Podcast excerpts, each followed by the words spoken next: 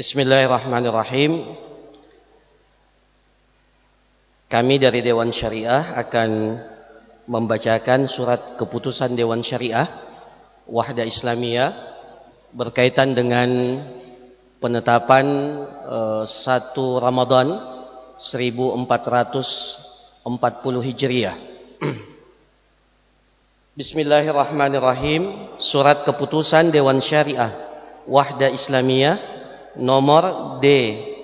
Titik 026 garis miring QR garis miring DSA WI garis miring angka Romawi 7 1440 Hijriah. Tentang penetapan hari pertama bulan suci Ramadan tahun 1440 Hijriah. Dengan memohon rahmat Allah Azza wa Jal Dewan Syariah Wahda Islamiyah setelah menimbang satu, bahwa penetapan hari pertama dari bulan suci Ramadan adalah perkara syar'i, hendaknya didasarkan kepada dalil yang jelas. Sebab berkaitan dengan ibadah puasa dan selainnya. Kedua, bahwa kader dan anggota wahda Islamiyah dan kaum muslimin secara umum membutuhkan penjelasan tentang hari pertama jatuhnya bulan suci Ramadan untuk tahun 1440 Hijriah. Ketiga, berdasarkan bahwa berdasarkan pertimbangan tersebut di atas, maka dipandang perlu menetapkan hal itu dalam sebuah surat keputusan. Mengingat satu firman Allah Subhanahu wa taala dalam Al-Qur'an surah Al-Baqarah ayat 185. Faman syahida minkumus syahra falyasum Karena itu barang siapa di antara kamu hadir di negeri tempat tinggalnya di bulan itu, maka hendaklah ia berpuasa pada bulan itu. Kedua, firman Allah Subhanahu wa taala dalam Al-Qur'an surah Al-Baqarah ayat 189. Yas'alunaka 'anil ahillah qul hiya mawaqitu lin-nasi wal hajj. Mereka bertanya kepadamu Muhammad tentang bulan sabit. Katakanlah itu adalah petunjuk waktu ibadah puasa bagi manusia dan haji.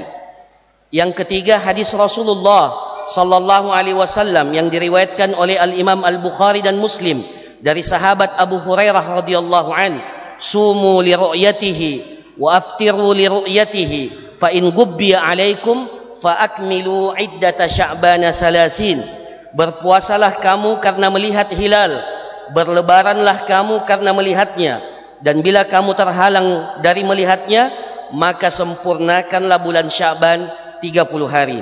Yang keempat hadis Rasulullah sallallahu alaihi wasallam yang diriwayatkan oleh At-Tirmizi dari sahabat Abi Hurairah radhiyallahu an as-saumu yauma tasumun wal fitru yauma tuftirun wal adha yauma tudahhun berpuasalah berpuasa adalah hari di saat kamu sekalian berpuasa. Berlebaran adalah hari di saat kamu sekalian berlebaran dan berkurban adalah hari di saat kamu sekalian berkurban.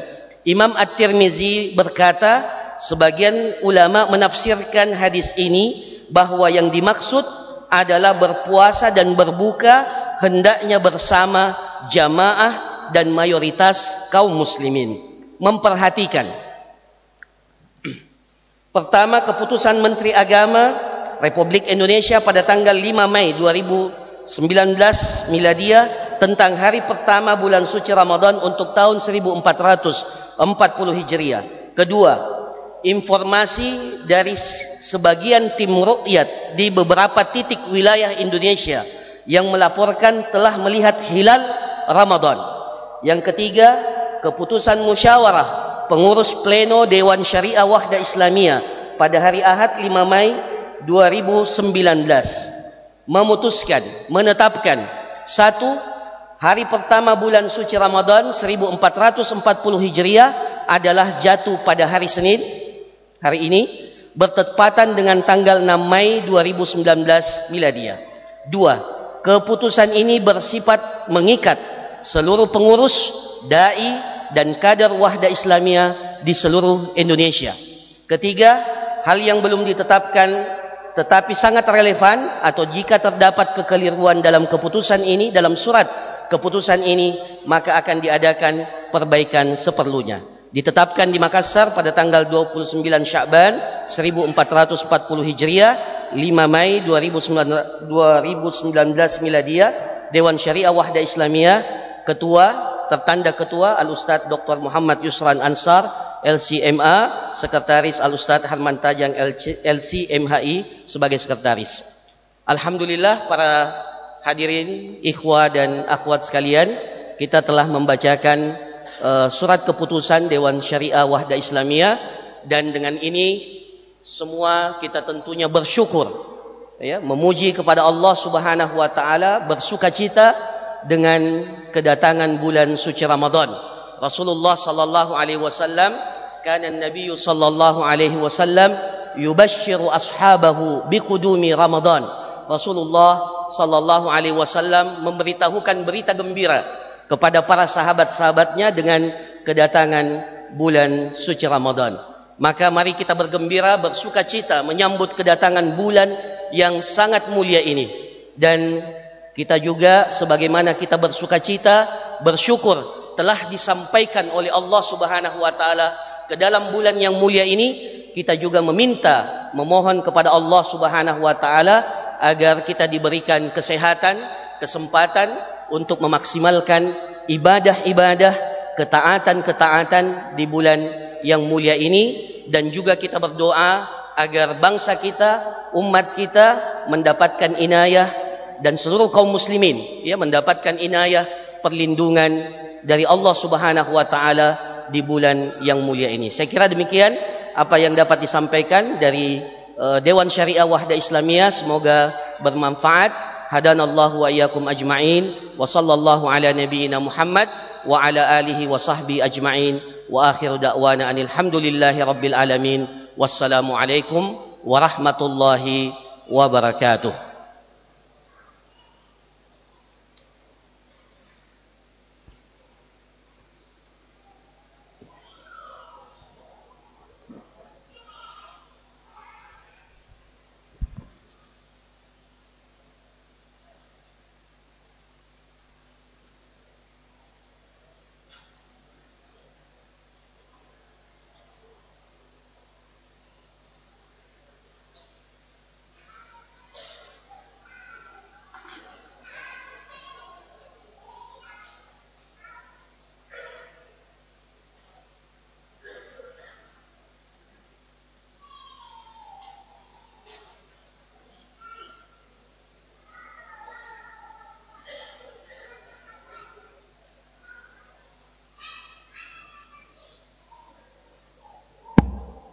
Bismillahirrahmanirrahim. Tambahan dan penyampaian untuk jemaah sekalian. Insyaallah mulai malam hari ini kita akan salat tarawih insyaallah. Sekali lagi malam ini insyaallah kita mulai salat ya, tarawih di masjid kita ini. Ini yang dapat kami sampaikan. Assalamualaikum warahmatullahi wabarakatuh.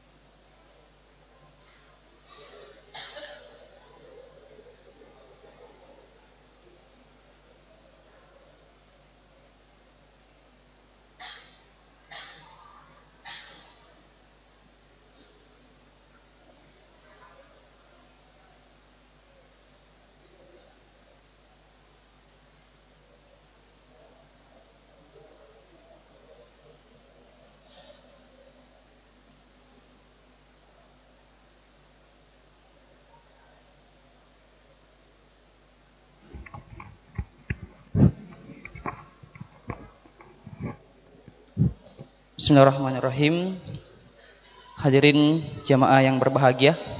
Insyaallah di malam pertama ini eh, sebelum kita melaksanakan sholat tarawih akan diisi ceramah tarawih akan dibawakan oleh Ustadz Dr. Muhammad Yusron Ansor LCMA Hafizahullah Ta'ala. Oleh karena itu kami Ya. interesa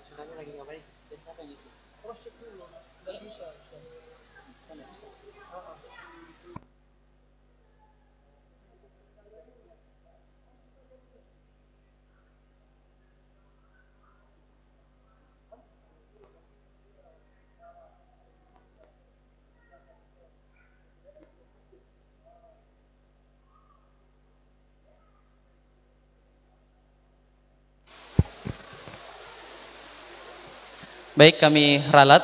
Insyaallah pada malam hari ini ceramah tarwi di malam pertama uh, bulan suci Ramadan 1440 Hijriah akan diisi oleh Ustadz Saiful Yusuf Hafizahullah Ta'ala. Oleh karena itu kami harapkan kepada seluruh jamaah untuk bisa merapikan majelisnya dan uh, menyiapkan tentu saja alat tulisnya insyaallah. Kami mohon uh, jamaah yang ada di sebelah kiri kami untuk memberikan jalan kepada panitia yang sedang mempersiapkan meja taklim.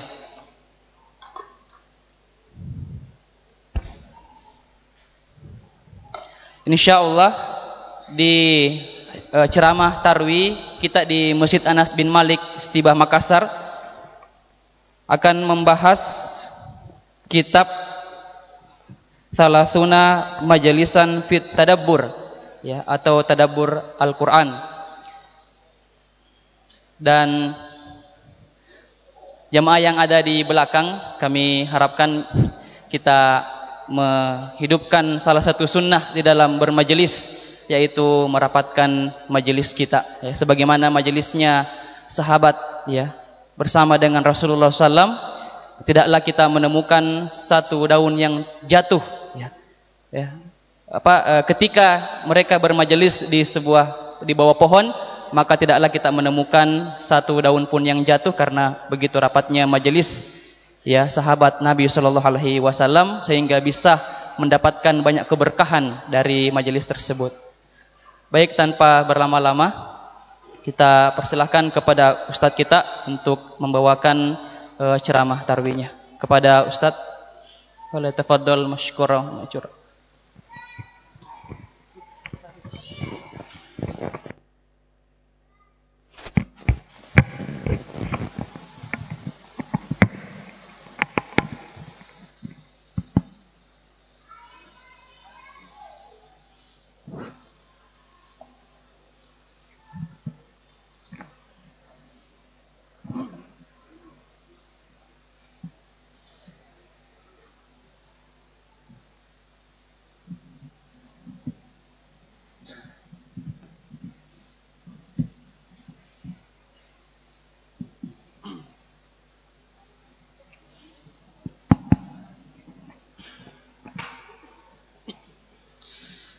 Bismillahirrahmanirrahim.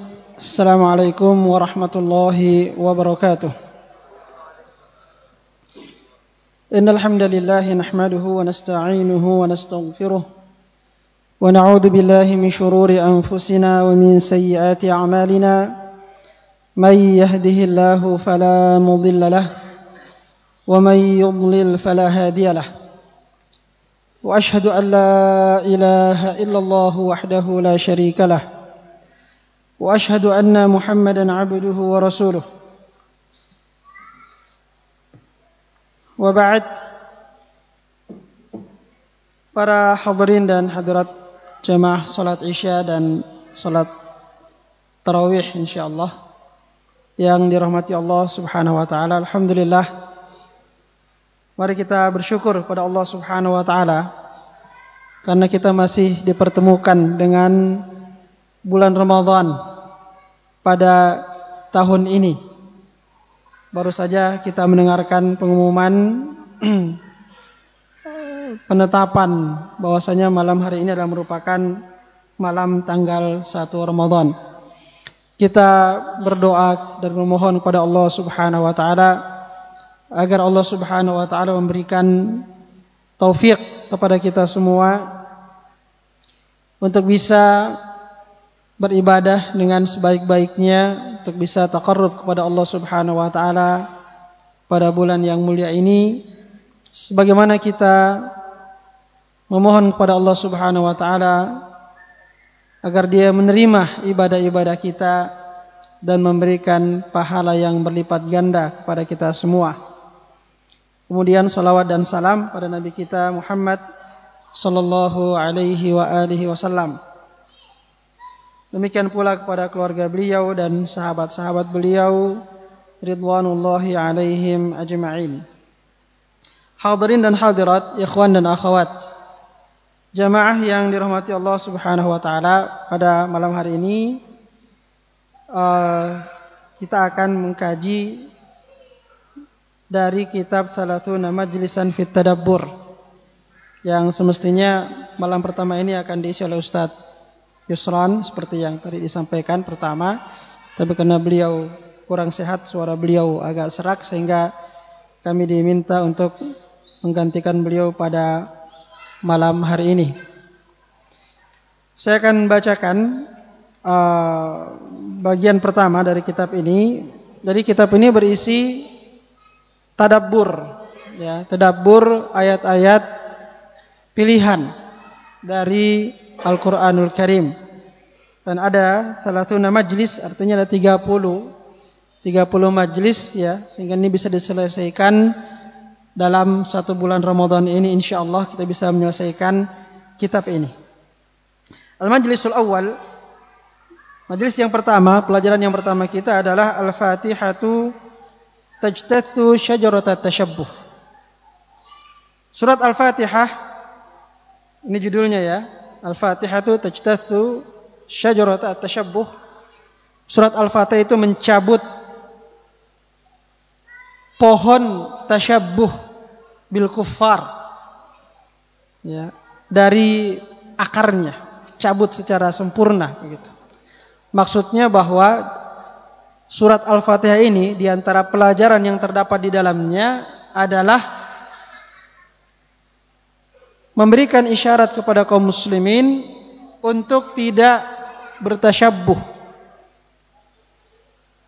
mengikuti orang-orang kafir, orang-orang di luar Islam.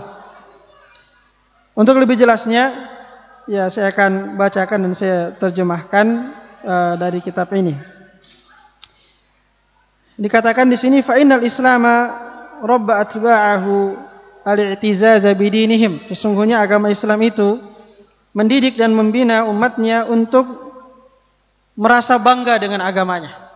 Jadi kita harus berbangga dengan agama kita kita merasa mulia dengan agama kita dengan segala ajaran yang terdapat dalam uh, Islam ini wa raf'a ar-ra'sa bihi fi kulli mahfal dan agar mereka mengangkat kepala mereka dengan syariat Islam dalam segala keadaan. Allah berfirman wala tahinu wala tahzanu wa antumul a'launa in kuntum mu'minin. Dan janganlah kalian merasa hina dan merasa sedih karena sesungguhnya kalianlah yang tinggi jika kalian benar-benar beriman. Dalam surat Ali Imran ayat ke 139 ayat ini menegaskan kepada kita bahwa kita tidak boleh merasa rendah tidak boleh merasa kecil tidak boleh merasa hina dengan agama kita karena sesungguhnya kita adalah umat yang tertinggi. Antumul a'launa in kuntum mu'minin. Jika kita beriman. Jika kita beriman kepada agama kita ini dengan seluruh syariatnya, maka kita akan menjadi umat yang tertinggi. Karena ajaran Islam adalah merupakan ajaran yang yang paling tinggi. Kalimat Allah adalah yang paling tinggi. Wa kalimatullahi hiyal uliya. Dan kalimat Allah, agama Allah, syariat Allah dialah al-ulia, dialah yang tertinggi. yang dengan demikian kalau kita berpegang teguh dengan agama Allah Subhanahu wa taala kalau kita betul-betul beriman pada agama Allah Subhanahu wa taala kita pun akan menjadi umat yang tertinggi kita pun akan menjadi umat yang tertinggi dengan syarat ya kita berpegang teguh dengan ajaran agama yang merupakan ajaran yang tertinggi ini karena itu dalam sebuah hadis Rasulullah sallallahu alaihi wasallam bersabda innallaha yarfa'u bihadzal kitabi aqwaman wa yad'u bihi akharin. Sesungguhnya Allah Subhanahu wa taala mengangkat dengan Alkitab dengan kitab Al-Qur'an ini kaum-kaum dan dengannya pula Allah merendahkan kaum-kaum. Ya, orang yang berpegang teguh dengannya maka mereka akan diangkat dan dimuliakan oleh Allah dan yang meninggalkannya akan direndahkan oleh Allah Subhanahu wa taala. Wa nahahum 'anit tashabbuh bi'adaihim kama fil hadits sahih. Dan kita dilarang untuk bertasyabbuh dengan musuh-musuh kita yaitu musuh-musuh agama. Tasyabbuh artinya menyerupakan diri. Menyerupakan diri, mengikuti apa-apa yang menjadi kebiasaan dan ciri khas. Ciri khas orang-orang di luar Islam. Ya, kaum muslimin harus berpegang teguh dengan agamanya, merasa bangga dengan syariatnya menegakkan syariatnya dan tidak perlu mengikuti apa yang menjadi ciri khas orang-orang di luar Islam. Dalam sebuah hadis yang sahih disebutkan la tattabi'unna sanana man kana qablakum shibran bi shibrin wa dira'an bi dira'in hatta law dakhalu juhra dhab taba'tumuhum.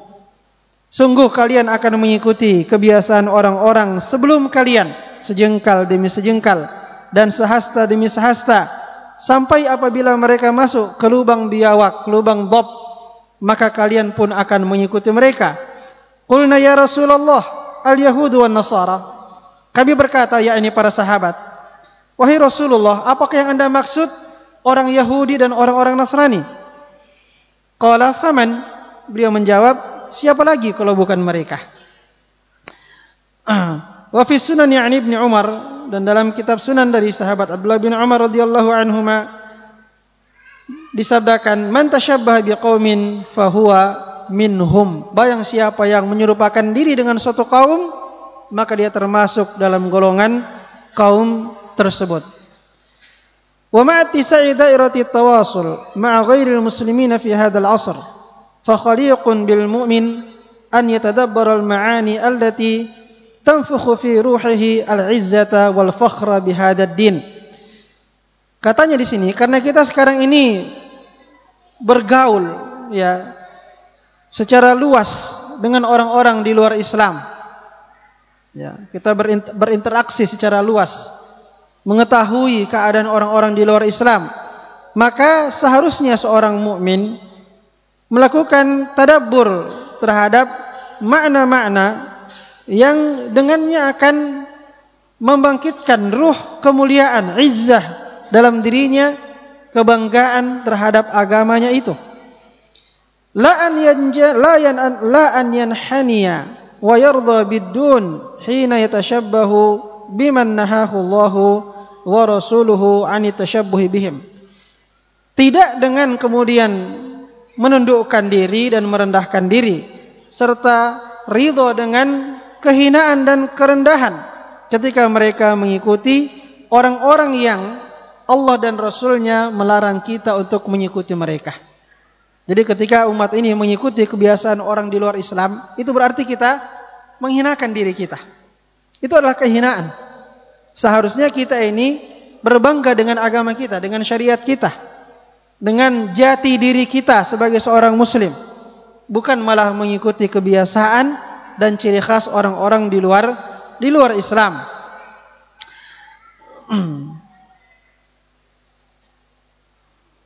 Wal muta'ammil fi kitabillah ta'ala yajidul ilaj ar-rabbaniyah li hadhihi adh-dhahirah. Orang-orang yang kemudian memperhatikan kitabullah ta'ala, dia akan mendapatkan pengobatan yang rabbani terhadap fenomena yang nampak ini, fenomena tasyabuh bil kufar ya. Mengikuti orang-orang di luar di luar Islam. Fi ayatin syatta. Kita akan dapatkan pelajaran itu dalam banyak sekali ayat-ayat Al-Qur'an. Min a'dhamiha tadabburu suratil Fatihah mathani wal Qur'anil azim alladhi utiyahu nabiyyuna Muhammad sallallahu alaihi wasallam. Dan di antara ayat yang paling agung dalam penjelasan masalah tasyabuh ini atau memberikan isyarat terhadap masalah tasyabuh ini adalah adalah surat Al-Fatihah. Surat Al-Fatihah yang juga dinamakan sebagai As-Sab' Al-Mathani dan Al-Qur'an Al-Azim yang diberikan kepada Rasulullah Muhammad sallallahu alaihi wasallam. Yang demikian itu saya langsung terjemahkan saja supaya tidak memakan waktu. Tidak usah bahasa Arabnya. Yang demikian itu karena sebagian daripada surat Al-Fatihah ini mentakrir masalah istiqlal ya. Masalah kemerdekaan seorang muslim yaitu merasa cukup ya dengan apa yang ada pada agamanya. Berbangga dengan ajaran agamanya dan tidak perlu mengikuti orang-orang Yahudi dan orang-orang Nasrani yang telah disebutkan dalam hadis yang baru saja kita bacakan yang baru saja kita bacakan tadi. Hmm. Yang kemudian apabila kita dilarang mengikuti orang-orang Yahudi dan Nasrani, apalagi mengikuti orang-orang selain ahli kitab. Ahli kitab saja yang masih ada hukum-hukum dalam agama mereka yang merupakan sisa-sisa dari hukum yang pernah diajarkan oleh nabi-nabi mereka. Itu tidak boleh kita ikuti. Apalagi kemudian agama-agama selain selain Yahudi dan Nasrani, ya. Yang mereka memang sama sekali tidak pernah ada nabi yang diutus kepada mereka. Yang sama sekali tidak pernah ada kitab yang diturunkan kepada mereka. Maka tentu lebih utama untuk kita tinggalkan, untuk tidak kita ambil kebiasaan-kebiasaan mereka. Karena ahli kitab saja yang masih ada sisa-sisa dari hukum-hukum mereka, dari kitab-kitab mereka, tidak boleh kita bertasyabuh dengan mereka apalagi kaum kufar, kaum musyrikin selain daripada ahli kitab. Di mana ayat ini kita dapatkan dalam surah Al-Fatihah, yaitu pada firman Allah Subhanahu wa taala, "Ihdinas siratal mustaqim, siratal ladzina an'amta 'alaihim, ghairil maghdubi 'alaihim waladdallin." Yang artinya, ya Allah tunjukkanlah kepada kami jalan yang lurus, yaitu jalannya orang-orang yang telah Engkau beri nikmat kepada mereka, bukan jalannya orang yang engkau murkai dan bukan pula jalannya orang-orang yang tersesat. Ya, kita tahu dalam penjelasan dalam uh, salah satu hadis Rasulullah sallallahu alaihi wasallam beliau menafsirkan dan menyebutkan bahwa yang dimaksud dengan al-maghdub alaihim adalah al-yahud, adalah orang-orang Yahudi. Dan ad-dhallun adalah ya orang-orang yang sesat adalah orang-orang Nasrani. Jadi ayat ini Ihdinas siratal mustaqim siratal ladzina an'amta 'alaihim ghairil maghdubi 'alaihim waladdallin bukan jalannya orang yang dimurkai yaitu orang-orang Yahudi dan bukan pula jalannya orang-orang yang tersesat yaitu orang-orang Nasrani. Maka kita bisa melihat dalam ayat ini kita diperintahkan setiap hari sebanyak 17 kali paling tidak ya kita berdoa kepada Allah Subhanahu wa taala ihdinas siratal mustaqim. Karena surat Al-Fatihah ini kita baca dalam salat yang lima waktu, dia adalah rukun di antara rukun-rukun salat. Dan salat lima waktu kita ada 17 rakaat. Jadi kalau ada orang yang hanya melaksanakan salat yang wajib saja, berarti dia membaca surat Al-Fatihah sebanyak 17 kali dalam sehari semalam. Apalagi kalau kita juga melaksanakan salat-salat sunnah. Maka doa ini adalah doa yang kita ulang-ulang setiap hari dan setiap malam. Doa ini adalah doa yang kita ulang-ulang setiap hari dan setiap malam. Tunjukkanlah kepada kami jalan yang lurus, yaitu jalannya orang yang engkau beri nikmat kepada mereka, bukan jalannya orang yang dimurkai, yaitu Yahudi, dan bukan pula jalannya orang yang tersesat, yaitu orang-orang Nasrani. Maka ayat ini menegaskan kepada kita untuk berlepas diri ya berlepas diri dari jalannya orang Yahudi dan yang dan yang dimurkai dan dari jalannya orang Nasrani yang tersesat. Orang Yahudi mereka dimurkai karena mereka beramal tanpa ilmu, karena mereka tidak mengamalkan ilmu. Mereka tidak mengamalkan ilmu mereka. Sementara orang-orang Nasrani mereka tersesat karena mereka menghambakan atau beribadah kepada Allah Subhanahu wa taala tanpa berdasarkan petunjuk dari Allah Subhanahu wa taala sehingga mereka tersesat dan kemudian menjadikan Nabiullah Isa alaihi salam mereka yakini yang mereka jadikan sebagai sembahan selain Allah Subhanahu wa taala. Karena itu dikatakan di sini sesungguhnya jika kita mentadaburi ayat ini kita akan melihat bahwasanya ayat ini mencabut tasyabbuh itu dari akarnya. Ya, mencabut tasyabbuh dari akarnya dalam artian seorang mukmin tidak boleh bertasyabbuh dengan orang-orang orang-orang kafir, dengan Yahudi dan Nasrani. Cuma masalahnya siapakah yang mentadaburi ayat ini ketika mereka membacanya? Adakah kita benar-benar bertadabur kepada makna ayat ini? Ghairil maghdubi alaihim waladdallin. Kita meminta kepada Allah agar tidak mengikuti jalannya orang Yahudi dan agar tidak mengikuti jalannya orang Nasrani. Bagi orang-orang yang mentadaburi ayat ini, dia akan memahami bahwa ayat ini adalah ayat larangan terhadap tasyabbuh. Ya, ayat ini merupakan ayat larangan terhadap tasyabbuh. Dia memberi isyarat. Isyarat agar orang-orang beriman tidak bertasyabbuh kepada kepada Yahudi dan Nasrani, apalagi orang-orang musyrik yang lainnya yang bukan ahli kitab.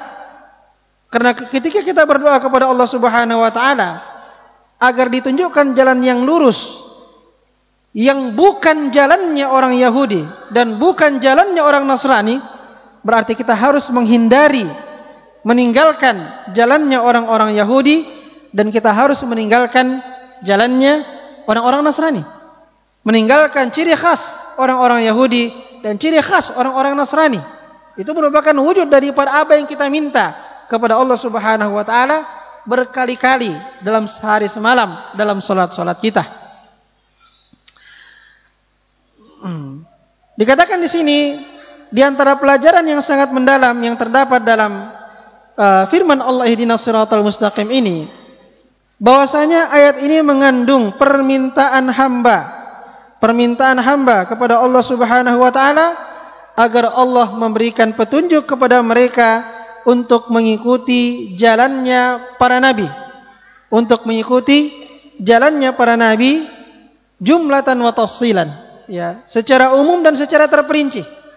Secara umum dan secara terperinci.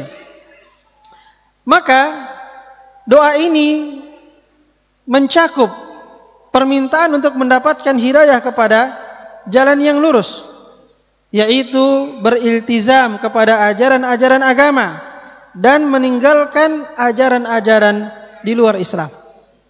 Itu kandungan dari ayat ini. Ya. Dia mengisyaratkan kepada kita dalam doa kita ini agar kita berpegang teguh dengan ajaran Islam, ajaran para nabi, khususnya Nabi kita Muhammad Sallallahu Alaihi Wasallam. Karena para nabi itu membawa ajaran yang sama, membawa akidah yang sama, membawa ajaran tauhid ya, yang sama, dan meninggalkan ajaran-ajaran di luar ajaran Islam, meskipun mereka ahli kitab. Karena ahli kitab adalah orang-orang yang merubah ajaran agama mereka sehingga mereka tidak lagi murni mengikuti ajaran yang pernah dibawa oleh nabi nabi mereka bahkan mereka merubah kitab-kitab mereka dengan tangan-tangan mereka sendiri ya. jadi tadi dikatakan bahwasanya agar kita mengikuti ajaran Islam secara sempurna dan meninggalkan ajaran-ajaran di luar Islam. Selain itu, kita juga meminta hidayah, meminta petunjuk dari Allah Subhanahu wa taala untuk diberikan petunjuk kepada kebenaran dan uh, pada seluruh kebenaran yang terdapat dalam agama kita ini. Ya, secara terperinci. Jadi di sini ada dua dua hidayah. Secara umum diberikan hidayah kepada Islam dan secara khusus diberikan hidayah kepada seluruh ajaran Islam, seluruh ajaran yang terdapat dalam dalam Islam. Karena itu dikatakan tadi jumlatan uh, wa. Karena itu kata para ulama, fahada doa min ajma'il ad ad'iyah wa anfa'iha lil 'abdi.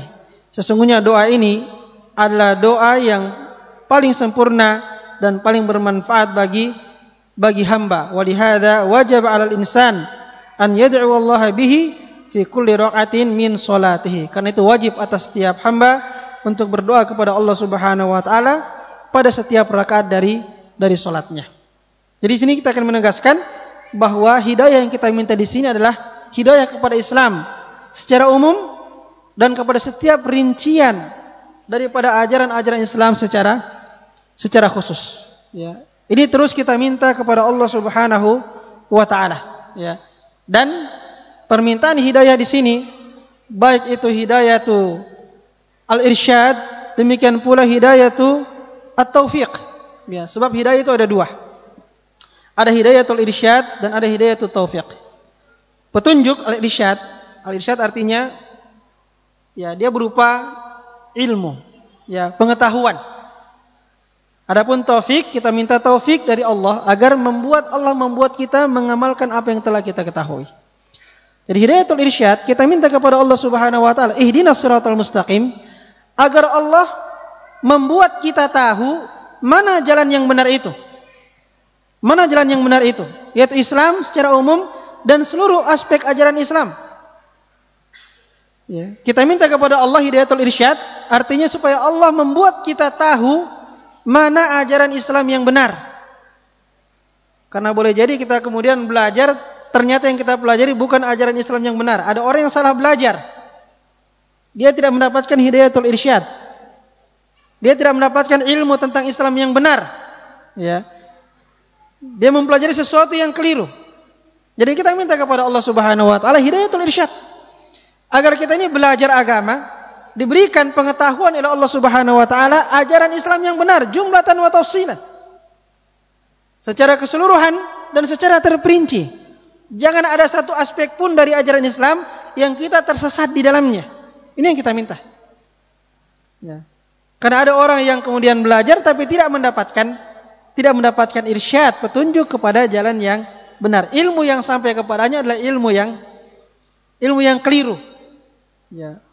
Makanya ada orang yang menyangka dia di atas kebenaran, tapi sebenarnya dia tidak di atas kebenaran.